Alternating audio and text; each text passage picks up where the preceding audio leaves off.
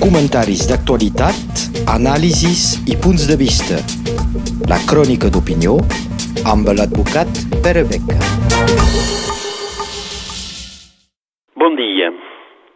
Lo bo amb la democràcia és que tot es pot discutir a qualsevol moment. Però ve un moment a la vida política que s'ha de decidir i a la democràcia especialment que s'ha d'arribar amb una decisió per tirar-ho endavant.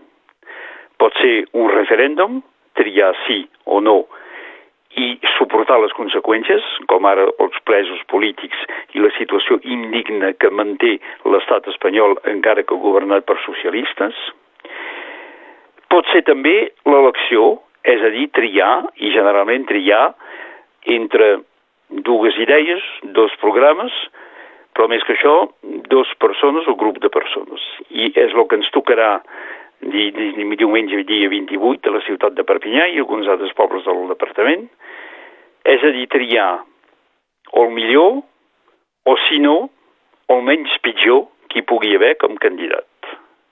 I el 28 de juny no podem dubtar, perquè la solució de dir jo no voto, o voto blanc, o voto nul, no és una solució perquè no es pot imaginar que la ciutat sigui gestionada sense vots i sense designar les persones adequades. Llavors, què es presenta a nosaltres? Per mi no hi ha cap dubte. Si mirem amb l'aspecte de almenys pitjor, què passarà si guanya el senyor Allot? A nivell institucional, discrepàncies greus entre l'Ajuntament de Perpinyà i la comunitat de municipis, i passarà el que ha passat a Narbona en un cert moment, és a dir, una immobilitat de les institucions, Dificultats amb el Consell Departamental perquè no crec factible que el Consell Departamental, almenys amb la seva situació actual, col·labori amb un Ajuntament de Perpinyà de l'Assemblea Nacional. I més que això, baralles probables amb el Consell Regional. Ja se sap que la senyora Delgà és una senyora que té posicions polítiques afirmades i que no li agrada col·laborar amb gent que no sigui del seu, del seu partit. I més que això, què passarà? Amb la col·laboració amb totes les entitats del sud. Quin paper pot jugar la Generalitat amb un batlle de Perpinyà que eh, la política espanyola és molt a prop i, i dona suport a la posició del partit Vox, que el que vol és tancar tots els polítics catalans a la presó. Diversitat també en les idees. Què passarà al món cultural? Visa com festival. No crec que el senyor Jean-François Leroy tingui ganes de sortir a la foto amb el senyor Allot si ell és batlle de Perpinyà. Les idees, la diferència és entre una posició republicana amb totes les febleses que pugui tenir, amb totes les discussions que pugui haver, i amb la posició del Rassemblement Nacional, que de fet no és gens republicana, perquè hi ha una influència major tant amb el senyor Llot com amb una bona part de les persones que estan a les seves llistes, del Font Nacional i de les idees de la família Le Pen. I això és molt important, i això no ens ho hem d'amagar. Les idees del senyor Eliot, què vol fer? Ens va explicar l'altre dia que volia crear aquí a Catalunya Nord una cosa que sigui semblant a Le Puy du Fou, le Puy du Fou del senyor de Villiers.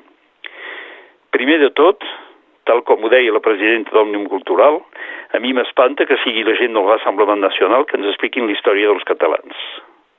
Però més que això, en un moment amb el Covid on ens expliquen a tot arreu que no es podran reunir, reunir masses de gent, tenir com a únic exemple de programa cultural de crear una cosa basada sobre de la forta afluència és un contrasens evident. Contrasens, sobretot, respecte a lo que el Rassemblement Nacional i el senyor Llot posen al davant de la seva candidatura, és a dir, l'obligació de seguretat pública. La seguretat, seguretat pública no es decreta. Senyor Llot explica que amb més policies, amb més repressió, això podria funcionar.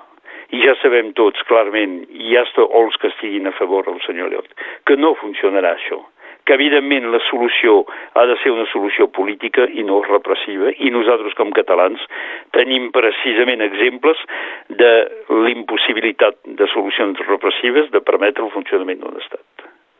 Llavors, triar el menys pitjor és evident que serà votar a favor del senyor Pujol. I triar el millor potser també sí.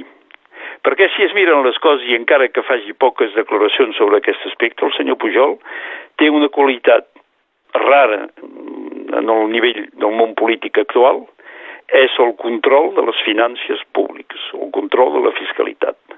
El senyor Jean-Paul Alduí va tenir moltes idees, va tenir molts projectes, va posar endavant moltes coses, però no es va preocupar molt de la situació financera tant de l'Ajuntament com de la comunitat de municipis. Tots els professionals que estiguin en contacte actualment amb l'Ajuntament o la comunitat diuen que la gestió del senyor Pujol ha sigut una gestió conforme, regular i que ha reixecat les finances públiques. El que li falta és una mica de comunicació i la comunicació, això sí que el Rassemblement Nacional ho sap fer molt bé. L'exemple de BGS n'és una demostració. Però per quina política, per quines inversions, per quina gestió financera? Perquè no crec que l'equip del senyor Allot hi hagi gent que tingui el rigor i potser fins i tot la competència del senyor Pujol per portar-ho endavant. I per parlar de la política cultural, L'Ajuntament de Perpinyà dona suport a la quantitat de manifestacions de tipus cultural, Focs de Sant Joan, els dijous de Perpinyà, Visa, el teatre, moltes coses, i especialment de la cultura catalana cada vegada que nosaltres com actors del món cultural català hem demanat alguna cosa últimament, fer una festa per Teresa Rull, eh, organitzar eh, tantes coses, eh, encara que no s'hagi fet aquest any la nit de Sant Jordi, cada vegada hem tingut el suport del senyor Pujol i especialment de la senyora Pagès, que sempre ens ha escoltat molt bé. Penseu que el que va ser l'èxit del 29 de febrer, les cent i pico mil persones a Perpinyà, si es va poder fer és evidentment gràcies a la posició de l'Ajuntament de Perpinyà i especialment, s'ha de dir, de la senyora Anabel Brunet, que es va multiplicar per arreglar aquest problema, però també de la senyora Chantal Bruisí, que era l'encarregada de Seguretat Pública i que jo us puc assegurar, eh, perquè el conec molt bé, que no va dormir tranquil molts dies eh, abans d'aquesta manifestació, com tots els organitzadors. Tot això s'ha de comptar i s'ha de pensar. I crec que la gent que s'interessa a la cultura catalana, la gent que s'interessa al món català, evidentment que no pot dubtar al moment de triar diumenge. Bon vot per tots i moltes gràcies. Comentaris d'actualitat, anàlisis i punts de vista. La crònica d'opinió amb l'advocat Pere Beca.